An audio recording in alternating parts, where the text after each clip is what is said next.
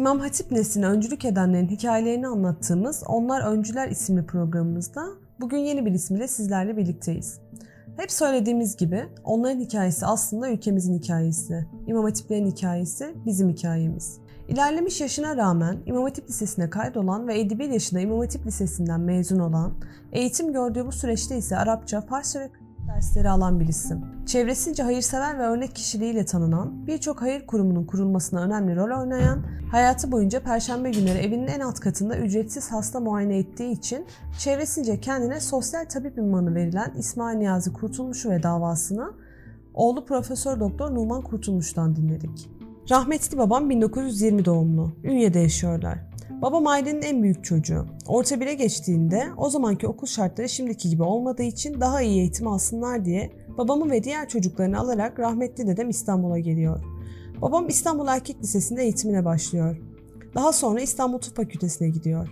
Cerrahpaşa Tıp Fakültesi'nde Muzaffer Esat Bey'in yanında dahiliye ihtisasına başlıyor ve dahiliye mütehassısı olarak mezun olup kariyerine başlıyor. Fatih'teki evimizin altındaki muayenehanesinde uzun yıllar hizmet verdi. Doktor İsmail Niyazi Kurtulmuş'un yakın çevresiyle olan ilişkileri nasıldı? İnsan yetişmesinde muhitin önemini bilenlerdenim. Çocuğun kişiliği ilk yetiştiği muhitte şekillenir. Bu bağlamda Fatih'te halen oturmakta olduğumuz apartman hem babamın kişiliğinin önemli bir parçası hem de bizim için tam anlamıyla bir yetişme muhitiydi. Apartmanımızda komşuluk ilişkileri de çok kuvvetliydi. Orası herkesin birbirine kapısının açık olduğu, diğer komşularımızın çocuklarıyla hep beraber büyüdüğümüz bir apartmandı. Ve rahmetli babam da herkesin saydığı, bir sıkıntısı varsa rahatlıkla gelip söyleyebildiği, konuşabildiği, bütün apartmanın büyüğü gibiydi. Bize bu anlamda da apartmanın çok öğretici fonksiyonu olmuştur. Rahmetli babam da dedemizin rahleyi tedrisatından geçmiş bir kişi. Babamın ilk ilhamını aldığı kişiler dedem ve babaannem. Babam ve kardeşleri gerçekten büyük bir sevgi saygı içerisinde ilmin, nezaketin, edebin, medeniyetin hakim olduğu bir aile çevresinde yetişmişler. Babamın, amcaların ve halamla olan ilişkileri aynı zamanda bizim için çok değerli bir dersti. Bizler de bütün kardeşler bunu örnek alarak büyüdük. Babamdan tevazuyu, yardımlaşmayı, dayanışmayı, insanlara karşı son derece müşfik ve kuşatıcı olmayı, farklı görüşte bile olsalar birbirini dinleyebilmeyi öğrendik. Biz beş kardeşiz. Tek erkek çocuk benim. Rahmetli babam ablalarımın hepsini o dönemde üniversitede okutmuştur. Ve sürekli şunu söylerdi. Esas kız çocuklarını okutmamız lazım. Kız çocukları okusun ki daha güçlü, daha dirayetli bir şekilde toplumun içerisinde olabilsinler. Ablalarımın eğitim hayatlarının önünü açmıştır ve onların okumalarına vesile olmuştur. Babamız kız çocuklarının mutlaka okutulması gerektiğini ve başörtüleriyle okul hayatının içerisinde yer almaları gerektiğini söylemiştir. Ablalarım İstanbul Üniversitesi'nde okurken Üniversitede birkaç tane başörtülü insan vardı. Ve onların hepsinin öncü ablası da Fevziye Nuroğlu ablamızdı. Burada hayırla rahmetle anıyorum. Benim bir büyüğüm olan doktor ablamın ihtisası sırasında başörtüsü yasakları üzerinden çektiklerini de unutamam. Ve her birisinde babam sonuna kadar arkasında olmuştur. Nereye kadar giderse gitsin o mücadelenin sürmesi için hiç taviz vermeden duruş sergilemesi için büyük destek olmuştur. İki ablam başörtüsü yasağı yaşamadılar. Zira o zamanlar İstanbul Üniversitesi'nde birkaç tesettürlü öğrenci vardı Sayıları çok olmadığı için göze çarpmıyorlardı. Ama benim bir büyüğüm Doktor Zehra Kilitçioğlu ve küçük kız kardeşim Eczacı Şeyma Kurtulmuş maalesef başörtüsü zulmüne uğradılar. Eşim Profesör Doktor Sevgi Kurtulmuş Hanım 28 Şubat sürecinde öğretim üyesi olduğu İstanbul Üniversitesi'nden başörtülü olduğu gerekçesiyle atıldı. Sadece kendi ailemdeki hanımların değil, ülkemizdeki tüm mazlum kız kardeşlerimizin yanında oldum o süreçte. Uzun yıllarımız hak ve onur mücadelesiyle geçti. Alnımızın akıyla Allah'ın yardımıyla o günler geride kaldı. Ama çok da geride değiller. O süreçte yaşananları ve edindiğimiz tecrübeleri unutmamız, unutmamamız gerekir. Bu durum bize başta siyaset olmak üzere ilimde, sanatta, ekonomide her alanda güçlü olmamız gerektiğini de hatırlatır. Babam bize İslami şuuru verebilmek adına hakikaten ilk mektebimiz olmuştur. Hem dedemden gelen birikimi hem de hayatın içerisinde bize öğrettikleriyle mükemmel bir okuldu babam. Babam biz ortaokul lise yıllarındayken kitapların yeni baskısı yapılmazdı.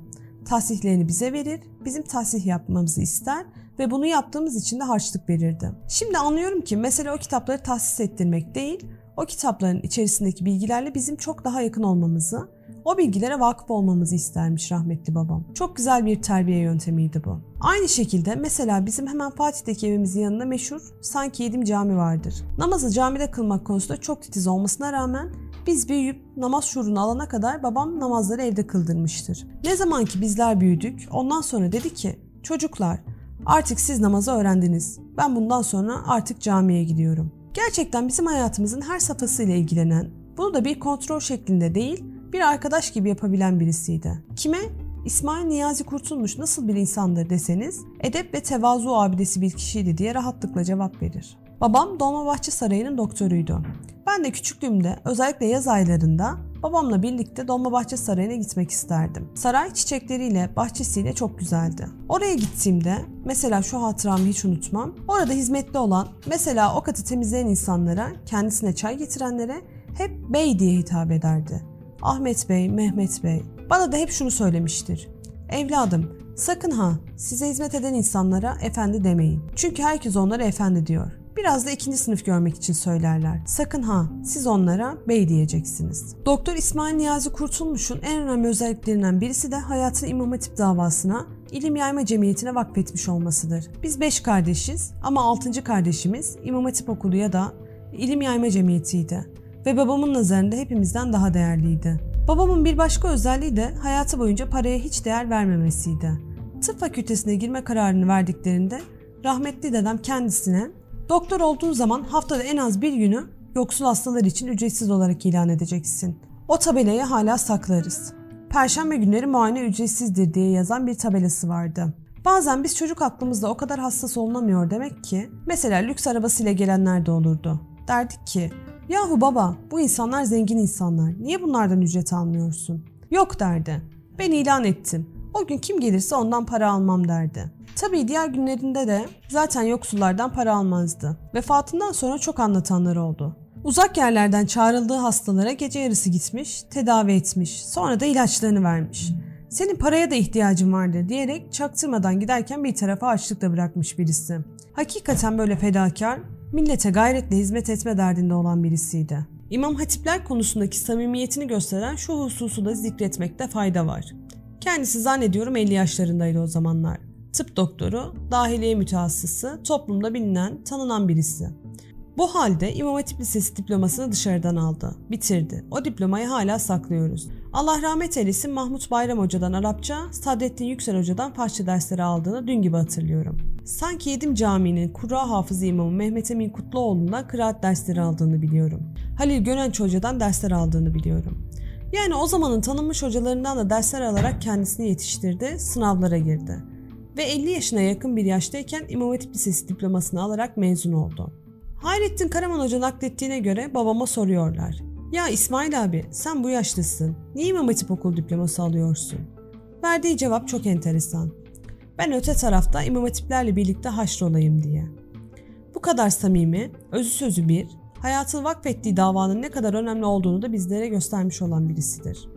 Rahmetli İsmail Niyazi hocamız İmam Hatipleri neden çok önemsiyordu? İmam Hatiplere neden ihtiyaç duyulmuş? Sizlere neler anlatırdı?